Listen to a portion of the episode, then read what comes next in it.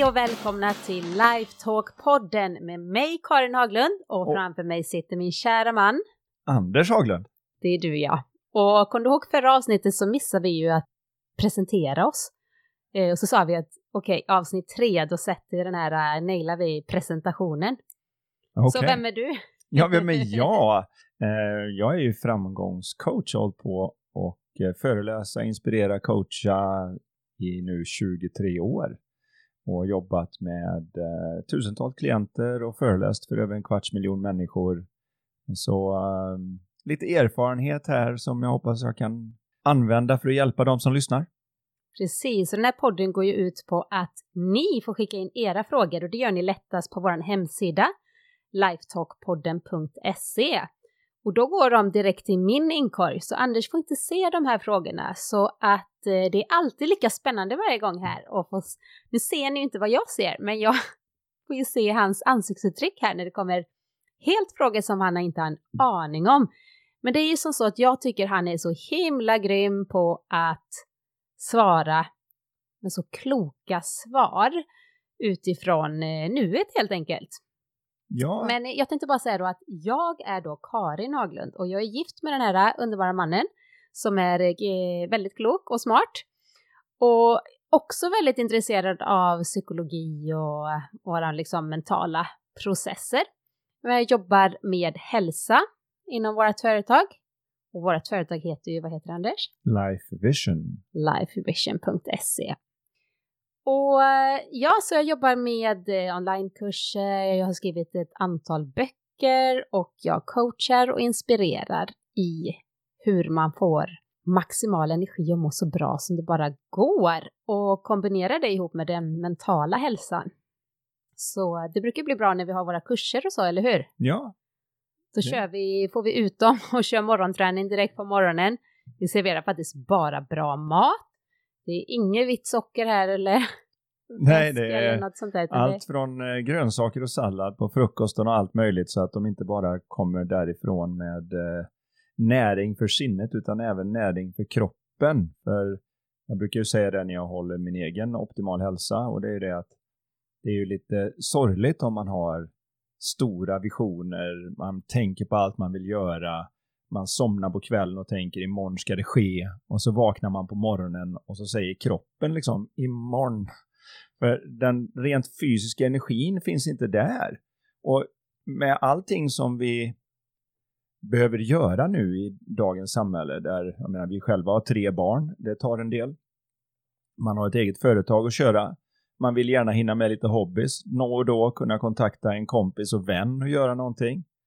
Och ska man orka med allt det så är det en grundregel där att vi måste ha den nödvändiga energin. Och för att kunna ha den nödvändiga energin då får vi titta lite grann på inte bara vad som får en cell att bli sjuk utan vad som får en cell att verkligen frodas och spritta av glädje för att den bor just hos dig. Så vad är det nu jag har bjudit på här innan poddinspelningen, Anders? Ja, innan här nu. Jag satt här och jobbade och så plötsligt kom det ett glas med kombucha och så kom det någon form av eh, nyttig eh, rawfoodboll. Ja, det var inte helt raw food, men eh, för det var någonting i som eh, kikärtor faktiskt. Åh! Oh. Ja. Där ser man. Det smakar inte av. Nej, eh, så jag blandade med lite typ färska dadlar, boveteflängor, det var rå kakao, kokosolja, Mm, så låter man det stelna lite i, i frysen och rulla till bollar och sen smälter man, antingen gör man egen rå choklad, jag har ju skrivit en egen chokladbok med bara nyttiga saker. Och så doppar man i den här och det bjöd jag min man på, jag åt den själv också så nu är vi så superladdade med energi, vi är pigga och vi har druckit kombucha och vatten och är så redo för avsnitt tre. Ja, nu är det dags att börja svara på de frågor som har kommit in. Ja. Vi har ju fått lite trevlig eh, feedback på lite sociala medier och från folk som skriver mejl och annat om att de har uppskattat vad vi delar med oss av. Det är jätteroligt att höra och kom ihåg det, gå in på iTunes och lämna gärna en recension och tryck till, alltså tryck till på hur många stjärnor ni tycker vi är värda. fem, tycker vi då själva. Det hoppas ja, jag att ni tycker något också. Något jäviga, men det är klart vi vill att de eh. sätter fem stjärnor på vad vi ja. delar med oss. Vi, vi ger ju allt vi har i varje fall. Det, kan man det gör vi, och jag tror vi kommer bli ännu bättre på det här. Det här är bara tredje avsnittet och mm. Eh, det är också spännande för det är ju ni som också påverkar innehållet med vad skickar ni in för frågor. Och ja, så jag har plockat ut några frågor här Anders. Ja. Vi kör igång med den första. Hej Anders och Karin. Jag älskar era första avsnitt av podden. Jag är en kille på 30 år som älskar personlig utveckling. Jag tycker det är så intressant. Eh, undrar om ni skulle kunna förtydliga lite gällande mental klarhet. Hur tar man sig dit? Det låter väldigt fantastiskt. Mm, det får man väl säga. Eh, när man pratar om mental klarhet så är det ju det första som nästan alla tänker är att hur gör man då? Vad ska jag göra för att komma dit? Om jag nu inte har den och jag känner mig oklar eller jag känner att jag har en dålig känsla i kroppen, hur gör jag för att komma dit? Och där är den första och det första oskyldiga missförståndet som folk har. Och det är det här att mental klarhet, det är ditt eget sinnes fabriksinställning. Så mental klarhet, det är det du alltid har förutom när ditt sinne är så att säga förorenat av osäkra tankar och annat som du tar på allvar. Så det fungerar lite grann som vilken princip som helst. Och för att förklara skillnaden här, en princip är någonting som är sant oavsett om du tror på det eller ej. Det är lite som gravitation. Det spelar ingen roll om du tror på det eller inte. Om du ställer dig på en balkong högt upp, ställer dig på räcket och tar ett steg framåt och säger jag kan flyga, jag kan flyga. Då hjälper det liksom inte dig ett dugg. Du kommer ramla neråt ändå för gravitation bryr sig inte om vad du tror och hur positivt du pratar eller vad du gör. Den bara drar dig med 9,81 meter per sekund två ner mot mitten av jorden oavsett vem du är och vad du är. På samma sätt så finns det principer för hur våra sinnen fungerar. Så varenda gång som vi på något vis kommer undan att ta alla de här osäkra tankarna som vi alla har då och då på allvar så är det som vi har där då är mental klarhet. Och det är också det som gör att man kan vara mentalt klar på olika ställen. Man kanske tror att mentalt klar, då är man alltid woho! Det här är livet, det är party! Men du kan vara mentalt klar även när du så att säga är nere.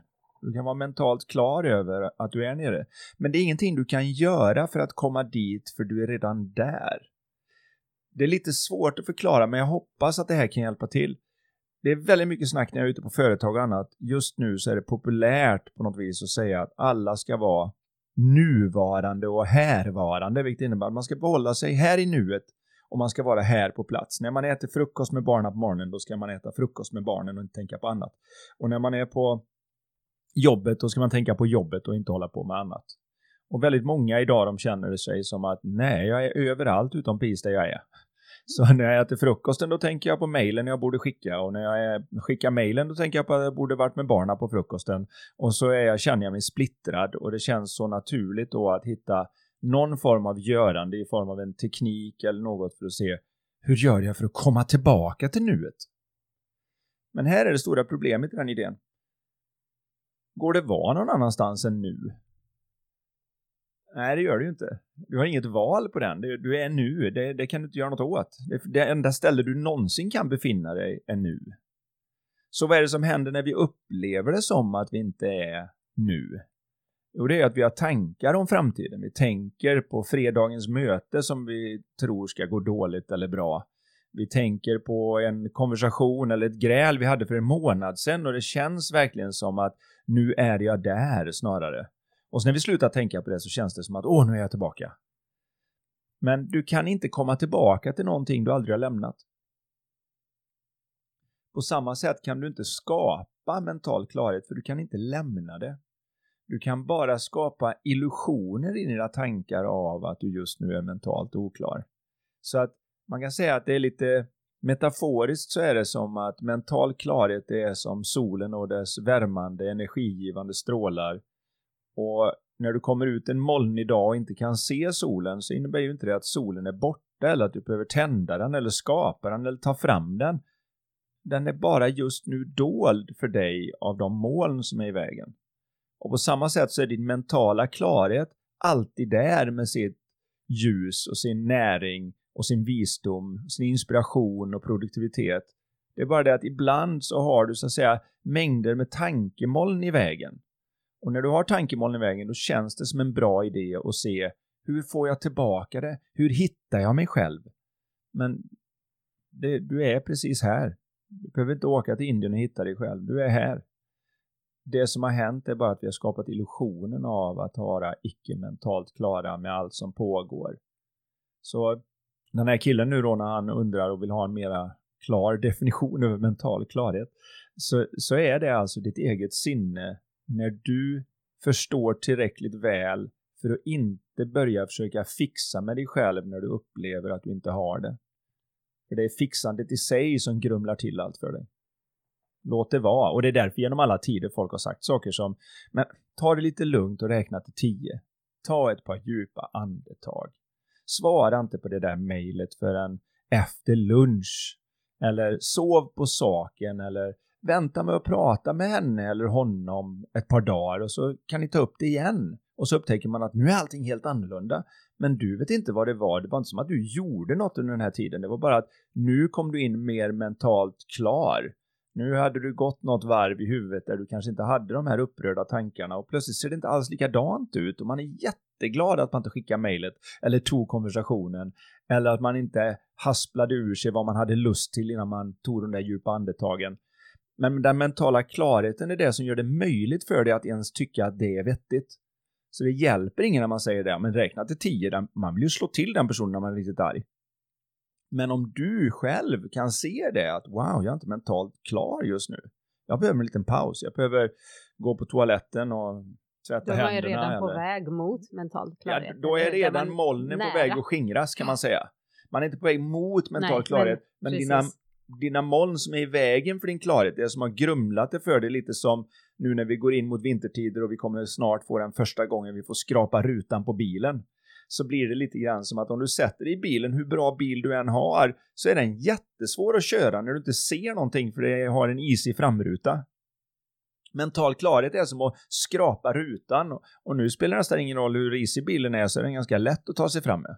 Så det är det som är den mentala klarheten är liksom, har du vad ska vi säga, som metaforen blir här nu då, har du en skrapad framruta eller är den väldigt igenisad?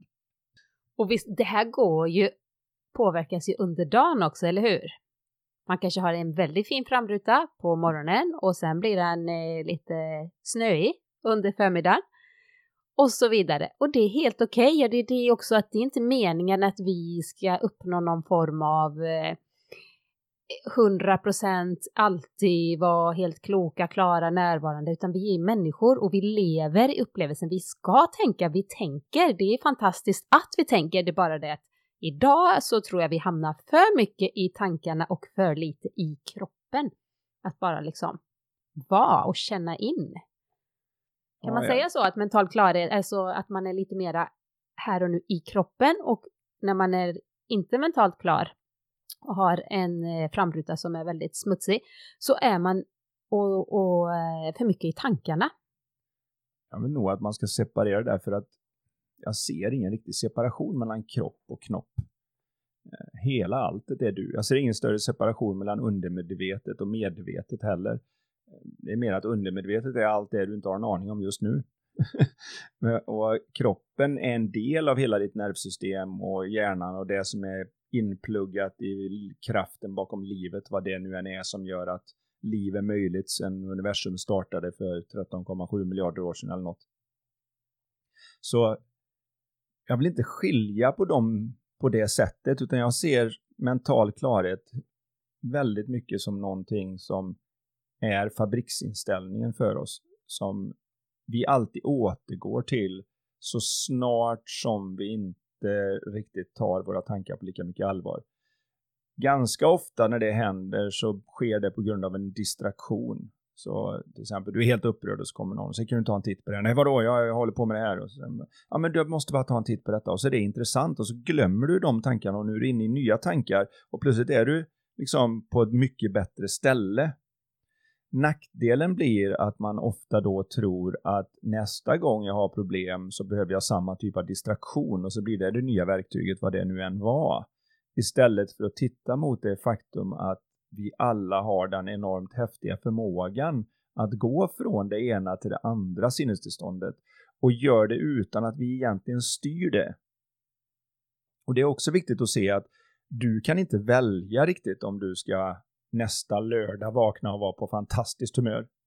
Eh, det är, inte, det är inte upp till dig på det sättet. Men det vi kan göra är att ha ett bättre förhållande till den känslomässiga berg och dalbana som vi alla så att säga tvunget åker på. Vi kan inte... Och njuta av berg och eller hur? Alltså jag, det, det är någonting som jag de senare åren här verkligen kan liksom på något sätt vis, det kanske låter roligt att säga att man njuter av att vara ledsen, men alltså jag, man kan ju vara ledsen på olika sätt eller vara nere eller irriterad så kan jag bara på något sätt och vis, jag vet inte, eller bli rädd eller bli fascinerad eller bli motiverad. Alltså jag kan, ja men jag tror att jag mera låter mig åka med på livets berg och dalbana istället för om jag ser tillbaka på tio år, försökte, hur jag var då, försökte styra berg och dalbanan, livets berg och dalbana, genom att ta kontroll, försöka fokusera, ändra och så vidare. Och nu lite mera, alltså mentalt, så åker jag och njuter av färden allt som oftast. Jag tror att de allra flesta tänker nog mera här, jag skulle åka rakt upp på toppen och så vill jag hålla mig där uppe. jag tror att de flesta har den idén om hur livet skulle vara, men ingenting, och det här, det här tycker jag faktiskt är ganska kategoriskt, att säga att jag tror ingenting skulle ha större betydelse för mänskligheten än att vi slutar vara rädda för vår egen upplevelse. Att vi var mer så när vi går på en, när vi går på en film på bio. När vi går in där i den här biosalongen, då vill vi bli rörda. Vi vill att den tar oss med på en känslomässig berg Vi vill det. Det vore jättetråkigt om de inte gjorde det. Jag vill verkligen hatar den där människan som tog cred från hjälten eh, för det där jobbet som gjordes eller som betedde sig illa och snodde flickvän eller pojkvän eller vad det var. Man vill liksom vill bli upprörd över det och man vill bli superglad när det går bra och man vill skratta och gråta och man vill åka liksom och det är då man känner att wow, det här var värt 120 spänn. Vi vill inte ha en flatline då, eller hur? Och om vi kunde se att vår livsupplevelse är en väldigt, väldigt stor biosalong inne mellan våra öron som vi sitter ensamma i. Och där spelas vår upplevelse upp. Om vi kunde se det så skulle vi vara mycket mindre rädda för att låta livet beröra oss fullt ut. Vi vill naturligtvis inte om vi fick välja ha smärtsamma och jobbiga upplevelser, men ju mer vi ser hur de skapas via tankevärlden inne i våra egna sinnen, ju mindre rädd blir jag för det. Man börjar se att det inte är farligt att vara rädd ens. Det är inte farligt att vara ledsen. Faktiskt är det väldigt naturligt som människa eh, att, att ha alla det här spektret av känslor. Och kan man som du säger börja förstå det bättre så kan man istället för att åka berg och som alla ändå måste åka på, så istället för att bara ta tag i säkerhets eh, anordningen och kramar den så knogarna vitnar och bara säga ah!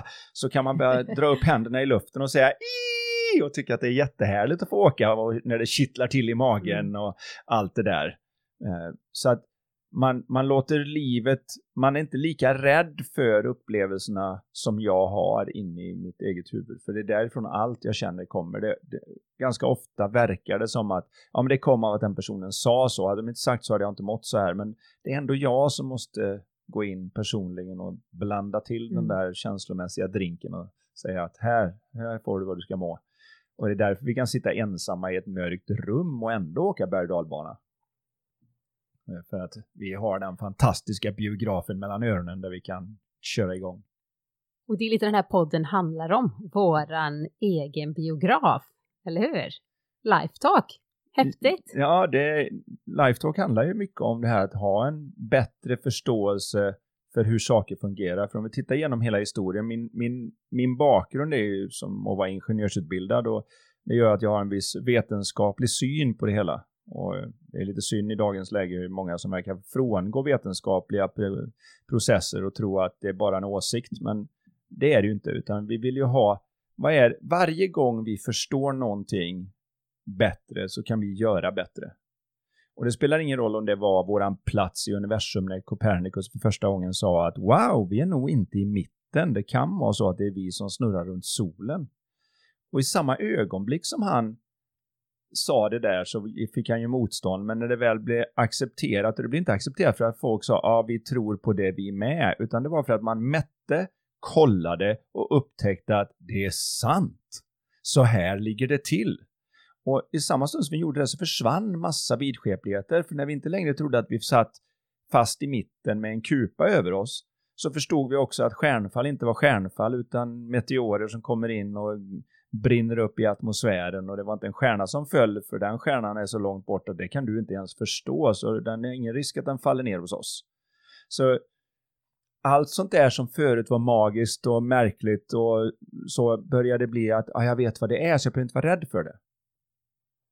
Så nästa steg är till exempel, om jag nu ska jämföra med det här eh, lite mer himmelska, så Förr i tiden när man såg en komet så var man helt övertygad om att den var väldigt olycksbådande. Man hade inte sett något som lyste upp himlen med en lång svans på det sättet. Så folk fick för sig att nu kommer det pest eller nu är det jobbigt, nu vill grannen komma in och ta över kungadömet. Det är bäst vi anfaller dem först. Det var liksom ett omen för hemska saker att man såg det här märkliga fenomenet i himlen. Och sen kommer, han var väl först så härlig, och säga att du, jag tror jag vet vad det här är. Det är en stor isklump som har slitits loss och numera går på en ganska stor bana runt solen. Och eh, nu har jag kollat historiskt här så den verkar komma tillbaka var 76 år. Så vi kallar den Halleys komet eftersom jag nu ändå heter Halley. och nu när den kommer tillbaka så säger man bara åh vad vacker, det är Halleys komet. Vilken tur att jag fick se den i min livstid för det är 76 år till nästa gång. Mm. Samma sak vill jag påstå att det kan vara med en hel del osäkra tankar som vi människor har inne i våra sinnen. Vi har väldigt många återkommande tankar. Så kreativa är de flesta inte, utan de tänker ungefär samma grejer varje gång de ser en viss person eller varje gång de är i en viss situation så kommer så att säga deras personliga Halleys komet. Och eftersom de inte vet om att det här bara är en återkommande komettanke så gör de samma vidskepliga saker som man gjorde förr i tiden. Man tänker nej, nu måste jag göra något. Nu måste jag säga någonting för att visa att jag han inte gör så här mot mig och man börjar brusa upp eller drar sig undan och inte vågar prata. Och så plötsligt börjar vi förstå bättre att aha, det här är vad det innebär att vara människa. Jag har en massa tankekometer och en del av dem är återkommande. Så det kan nästan bli så att man får en obehag, en tanke som var väldigt obehaglig förut och nu plötsligt när den dyker upp så är det liksom, ah, det är min Hallis. Den brukar komma ungefär tre gånger i veckan, vad fin den är.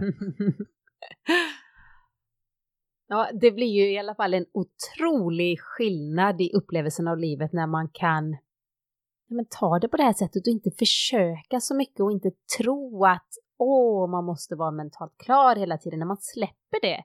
Och som sagt var ger sig ut på att, eh, ja men på livets berg och dalbana, så kommer man automatiskt vara mer i mental klarhet. Jag tänker på en sak Anders, kommer du ihåg, eh, det gör du ju garanterat, men jag var väldigt, väldigt, väldigt sjuk eh, för några år sedan.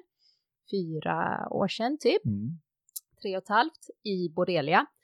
Eh, som hade spridit sig till nervsystemet och alla leder och så vidare. Kunde typ inte röra mig och hade en nyfödd bebis, vårat tredje barn.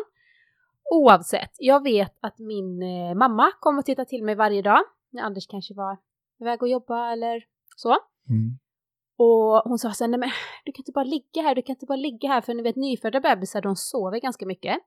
Så jag låg i soffan där nere, ingen distraktion, jag kollade inte på ett tv-program, jag orkar inte. Jag orkar inte ens tänka, kommer jag ihåg. Och min mamma bara kom, ska jag köpa skvallertidning? Vill du ha någonting? Vill du ha någonting? Vill du inte? Nej, sa jag.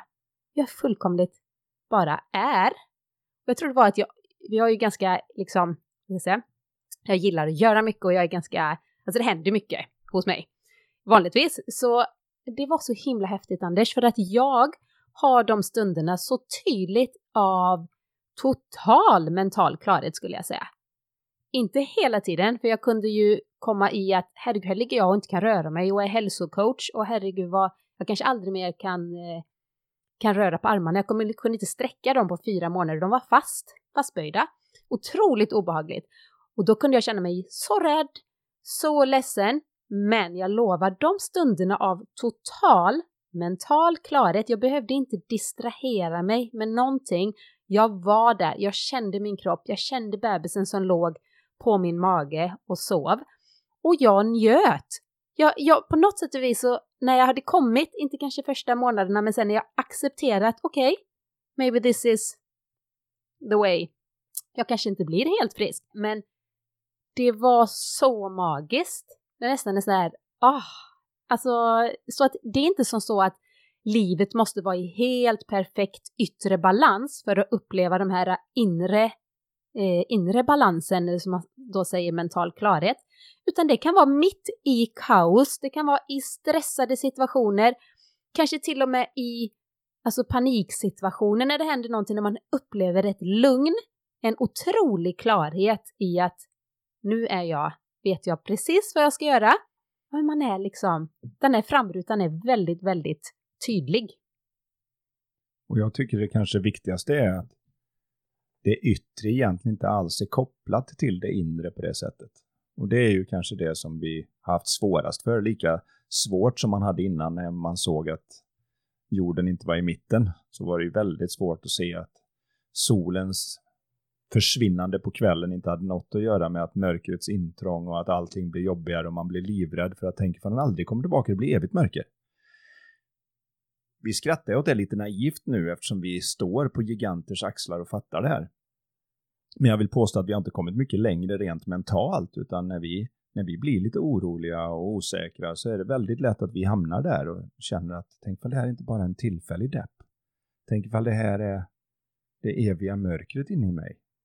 Tänk, hade inte jag någon melankolisk farfar eller något som kanske ligger i generna latent och bara väntar på att blomma ut och nu är jag här.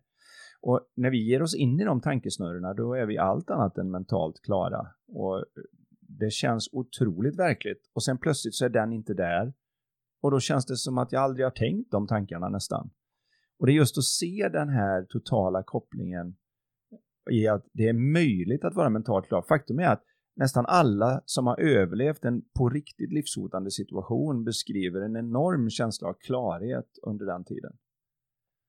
Därför att när jag vet att nu är jag på väg att krocka eller när jag vet att nu är jag på väg att ramla eller någonting som eh, vissa har varit ute för.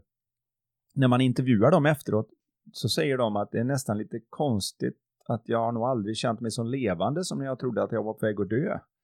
Och, och skälet till det är ju inte att man liksom tänker wihi vad härligt det är, och, utan det, det, är en annan typ av känsla som kommer fram bakom, för det är otroligt svårt att bekymra sig över räkningarna eller bröst och snoppstorlekar och vad ska vi äta och ska vi hinna med? Och alla de, alla de tankarna som kanske kan oroa människor annars om jag har tillräckligt hår eller jag har för mycket hår och vad det nu än är. Uh, de försvinner då. Du kan inte ta dem. Naturen har liksom ställt in att nej, du är inte det viktigt. Det kommer en tiger där borta. Jag bryr mig inte om dina normala osäkerheter. Nu stänger vi av allt och springer. Och den känslan där gör att de väldigt sällan beskriver att de under tiden är rädda, utan det är ofta efteråt när de har klarat sig som de hinner börja tänka på hur illa det kunde ha gått som kroppen kommer börja skaka av tanken på att det kunde gått illa. Mm. Men inte medan, då är man otroligt mentalt klar allt som oftast. Ett väldigt långt svar, men eh, på någonting så vi hade nog kunnat eh, lägga flera poddavsnitt bara på den här frågan, för det här är så intressant och det är ju precis det här vi båda jobbar med. Framförallt eh, när vi har våra ledarskapskurser och när du är ute på företag och så vidare. Och det här är ingenting man bara förstår av att lyssna på till exempel det här relativt korta svaret på en väldigt stor fråga. Men det är någonting som pekar åt rätt riktning och gör att Ah, man sår liksom frön, tror jag. Och jag vet ju många som vi har pratat med innan om det här bara märker i vardagen sen olika exempel på att ja, jag har förstått någonting på ett lite djupare plan. Mm. Så tack Anders för det bra svaret. Och eh, då går vi vidare på nästa fråga som är från en tjej som heter Jessica. Och om det är någon som ångrar, undrar, det är de flesta som skickar in frågor eh, skriver inte namn och det behöver man inte göra. Men nu hade hon gjort det här. Så Jessica här då. Eh, Hej, jag är nyfiken på det här med rädslor och fobier. Själv är jag galet rädd för ormar och blir helt matt bara någon nämner något om ormar. Finns det någonting man kan göra själv för att bli av med rädslor och fobier? Ja. Eh, ibland kan det ju vara bra att ha någon som hjälper till med det här. Därför att har man en äkta fobi, och jag har ju hjälpt väldigt många människor med alla, alla möjliga fobier. Jag vet inte allt vad jag har träffat på genom året. Men det är ju allt från telegrafstolpefobi som jag inte visste existerade till folk som blir galna när någon tuggar tuggummi och måste slå ner den personen. Eh, till vanliga, om man nu ska kalla det, spindlar, hundar, ormar. Allt möjligt har jag fått träffa på i varje fall. Det är inte, det är inte många fobier jag inte träffat på genom alla de här åren eh, när det visar sig att jag var duktig på att hjälpa människor att bli av med dem. Så att det går att göra massa på egen hand. Det kanske enklaste är någonting som heter Fast Phobia teknik.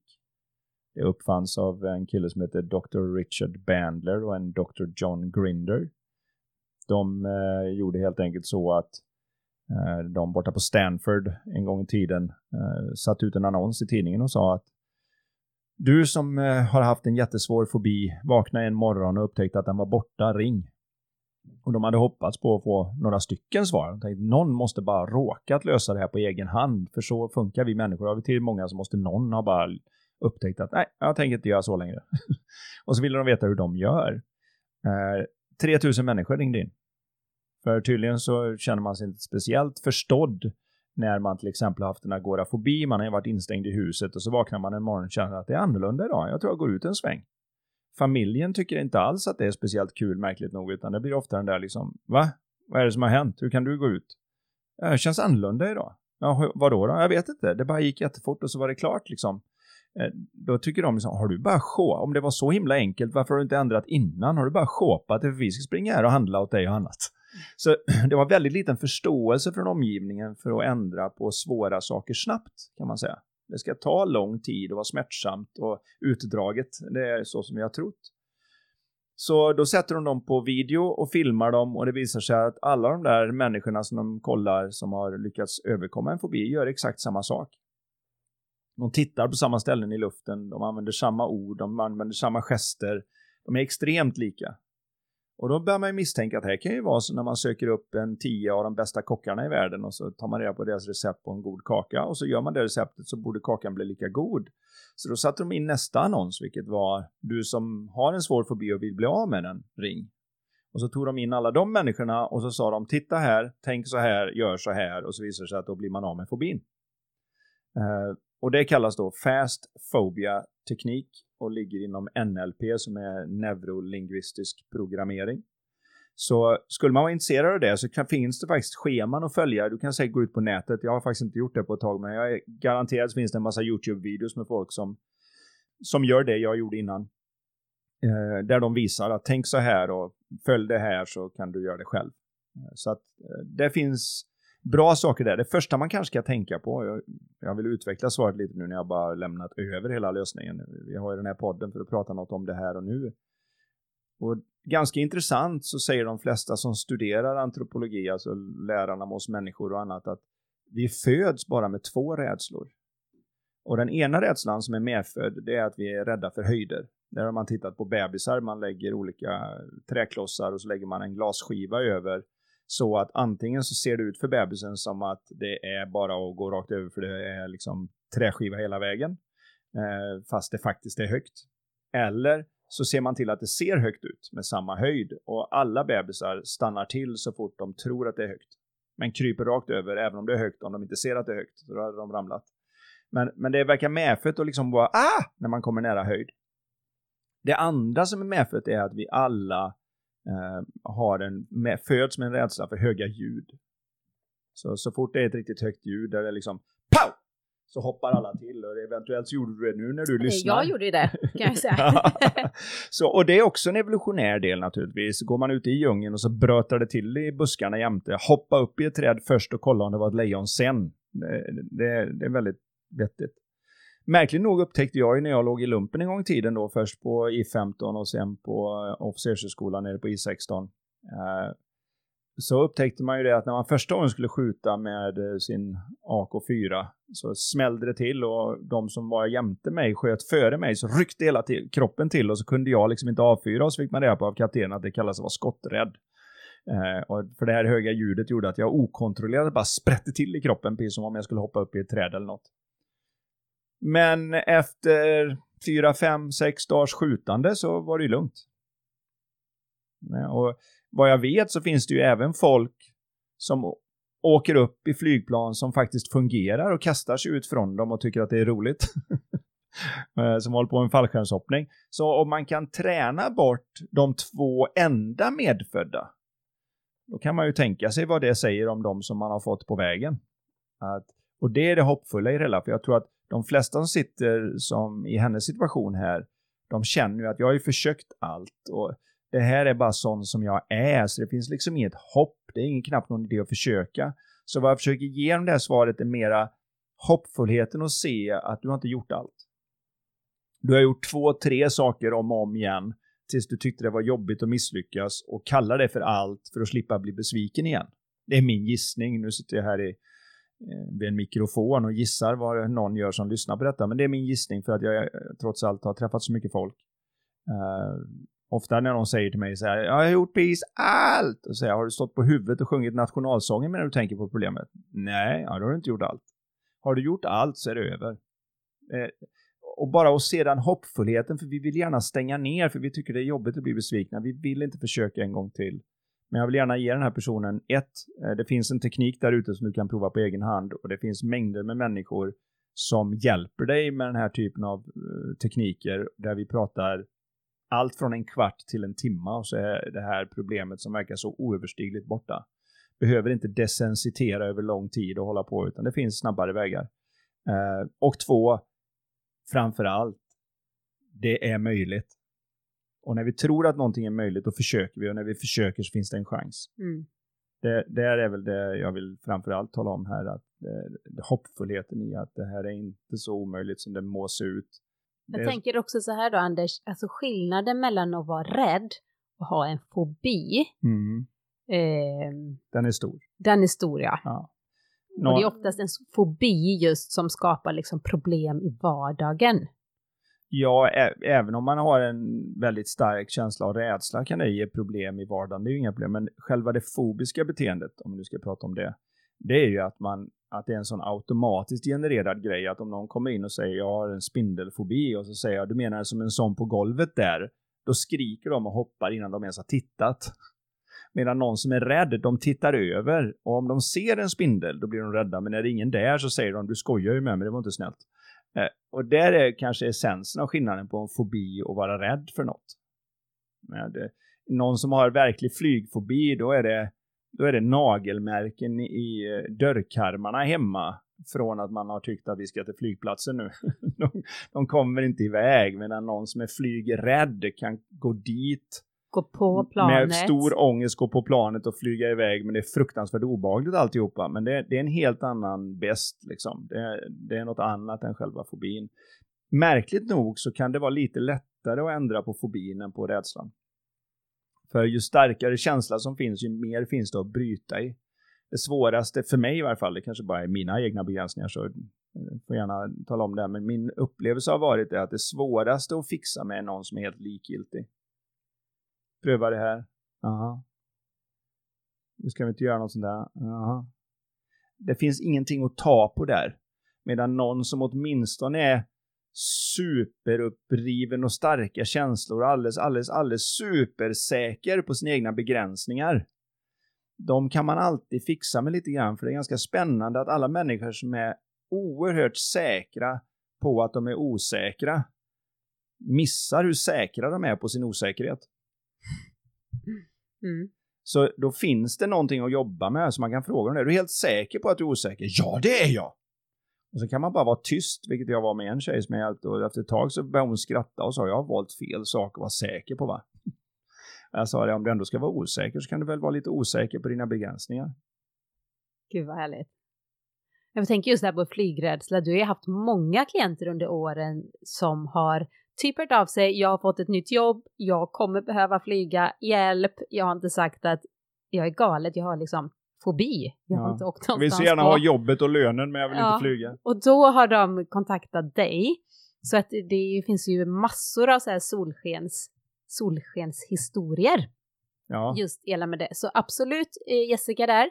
Eh, det finns hopp, det finns eh, enkla sätt att faktiskt bli av med både rädslor och fobier. Och jag vill göra en liten brasklapp där i varje fall. Nu har jag ju träffat hundratals, om inte tusentals människor med olika fobier som jag har hjälpt. Och det kan ju låta som att hiphop och så var det över, men jag, när jag tittar igenom det där så är jag ungefär 85-procentig. Och det bekymrar mig fortfarande vad de där 15 procenten, varför de inte, varför jag inte lyckas hjälpa dem att få till det. Det är ju sånt där som jag, jag inte kan släppa nästan. Vad var skillnaden där? Jag vet inte. Det kanske är personkemi, det kanske är eh, att jag inte personligen kan hitta deras riktiga nyckel. Jag vet inte vad det är, men vi är väl alla sådana lite grann. Du vet, man har 95 av 100 på provet och ser man de fem felen. Men, men det är ju om vi, om vi Stor antar, möjlighet att kunna bli av. Ja, men om vi antar att placeboeffekten ligger någonstans på 30 procent så kan vi i varje fall säga att 85 procent vida överstiger den. Mm. Uh, så att uh, det finns en vetenskapligt vidimerad uh, resultatgaranti, så att säga. men jag vill ändå samtidigt säga då att men om man inte lyckas så är det lätt att säga åh, det gick inte med mig. Nej, den här personen kunde inte med mig. Mm. Läkare kan säga sånt till sina patienter, du vet, nej jag kan tyvärr inte hjälpa dig. Nej, de borde säga så här, eller att det går inte att hjälpa dig. Det, det de borde säga är liksom, jag personligen ser inte hur det är, men det finns säkert någon i världen som vet bättre om detta. Eh, jag har ingen referens, men sök upp en. Det är bara det att jag vet inte hur man löser det här. Eller, vi vet inte än hur vi löser det här, men man håller det där hoppet uppe för när, när vi människor har lite hopp bara så är vi otroligt hur mycket energi vi har. Och när vi tappar hoppet om att det finns en möjlighet så är det också lika otroligt hur lite energi som finns. Vi har ju samma energi i kroppen, det är bara hur mycket vi har att använda oss av skiljer enormt mycket beroende på om vi har hopp om framtiden eller hopp om möjligheten eller ej. Mm. Och den sitter ju helt och hållet återigen då i tanken och när vi är mentalt klara så har vi en tendens att se lite mer nyktert på det så att vi minst kan säga att Nej, men det vet jag inte men det här, det här har jag koll på. Ja. Jag kommer ihåg, det här var ju väldigt fascinerande. Hur länge sedan är det Anders, när vi var i Dubai den gången? Jag tror att vår äldsta var, alltså, var typ ett eller någonting. Och så var min mamma med oss och vi skulle upp i Burj Khalifa. Mm. Visst var det bara Vins vår äldsta som fanns då. Ja. Jag tror det, men jag har så, alltså jag har så klara bilder av att hon är då livrädd för höjder. Och att åka, är det 848 meter? Jag Eller, tror i och för sig alltså, att observationsdäcket dit man får åka, alltså själva tornet är ju en liten bit över 800 meter hela vägen upp, men det är ju med mast och allting. Men jag tror att själva observationsdäcket ligger på 450 meter. Det ska jag ju inte svära på utan att kolla på internet. Nej, men, men i alla fall, 400, vi, vi övertygar henne att du ska med upp. Självklart det här blir en upplevelse. Och så rädd min stackars mamma var. Och jag trodde hon skojade. Jag tänkte, alltså så här, bra kan man inte ens skådespela att när vi gick ut från hissen långt bort till fönsterrutor och allting så gick hon som att hon gick på en båt som liksom och jag vet inte, hon tog sig på slagsida. väggarna och hon gick, hon gick så snett och hon höll sig krampaktigt fast i väggen fast alltså marken var helt plan. Och jag tänkte mamma vad gör du? Tills du tog henne åt sidan, hade ett snack med henne och det slutade ju med att hon nu, det var liksom inte öppet, men hon kunde ju gå ut och ta händerna på typ rutan och mm. titta ner. Kanske sög till lite i magen, men det, det gjorde ju på oss också när man är så högt upp. Men Eh, alltså det var, det var väldigt roligt för mig att få se, eftersom jag själv inte jobbar med liksom, eh, klienter som har just fobier. Men det var en eh, himla häftig upplevelse. Och det som var lite kul var ju att allting är relativt. Så när vi sen gick ner för att äta middag och vi, eh, vi åt middag på en veranda där jämte, vad det nu heter, den lilla sjön där nere vid Burj Khalifa. Så lutade vi sig ut för att se vattenspelet och var 20 meter upp i luften där eller något. Det hade inte hänt innan och, kan jag Och det säga. var hon helt fin med. Tills jag då som borde vara proffs på det här faktiskt gjorde misstaget att säga, har du sett, nu tänker du inte ens på att du lutar ut från 20 meter och då dök ju lite tankar upp igen och så hopps så var hon tvungen att sätta sig ner. Men så det borde jag ha vetat bättre än att påminna honom om samma tankesnurra. Men det är väl ganska fascinerande just hur det här skiljer beroende på vilka tankar jag tar på allvar i stunden. Och att när jag kan ta dem på mindre allvar så får jag nya möjligheter som inte fanns alldeles nyss. Mm. Häftigt, häftigt. Jag tänker också på det du, när vi träffades, jag skulle inte säga att jag någonsin har haft en riktig fobi för någonting, varken ormar eller spindlar eller sådär, men eh, det skulle vara höga ljud i så fall. Jag är ganska harig, jag rycker till eh, väldigt mycket. Men oavsett, jag tänker på någonting som jag verkligen inte gillade. Det var under att vara under vatten. Mm. Och egentligen så tror jag du aldrig prioriterade mig som en fobiklient. Nej, men vi jobbar aldrig specifikt med det. Men under de här åren så är det ganska häftigt varje gång vi har varit utomlands och typ badat i en pool eller som nu i somras när vi är nere på västkusten. Så för varje år så kan jag simma några andetag eller några till simtag under vattnet.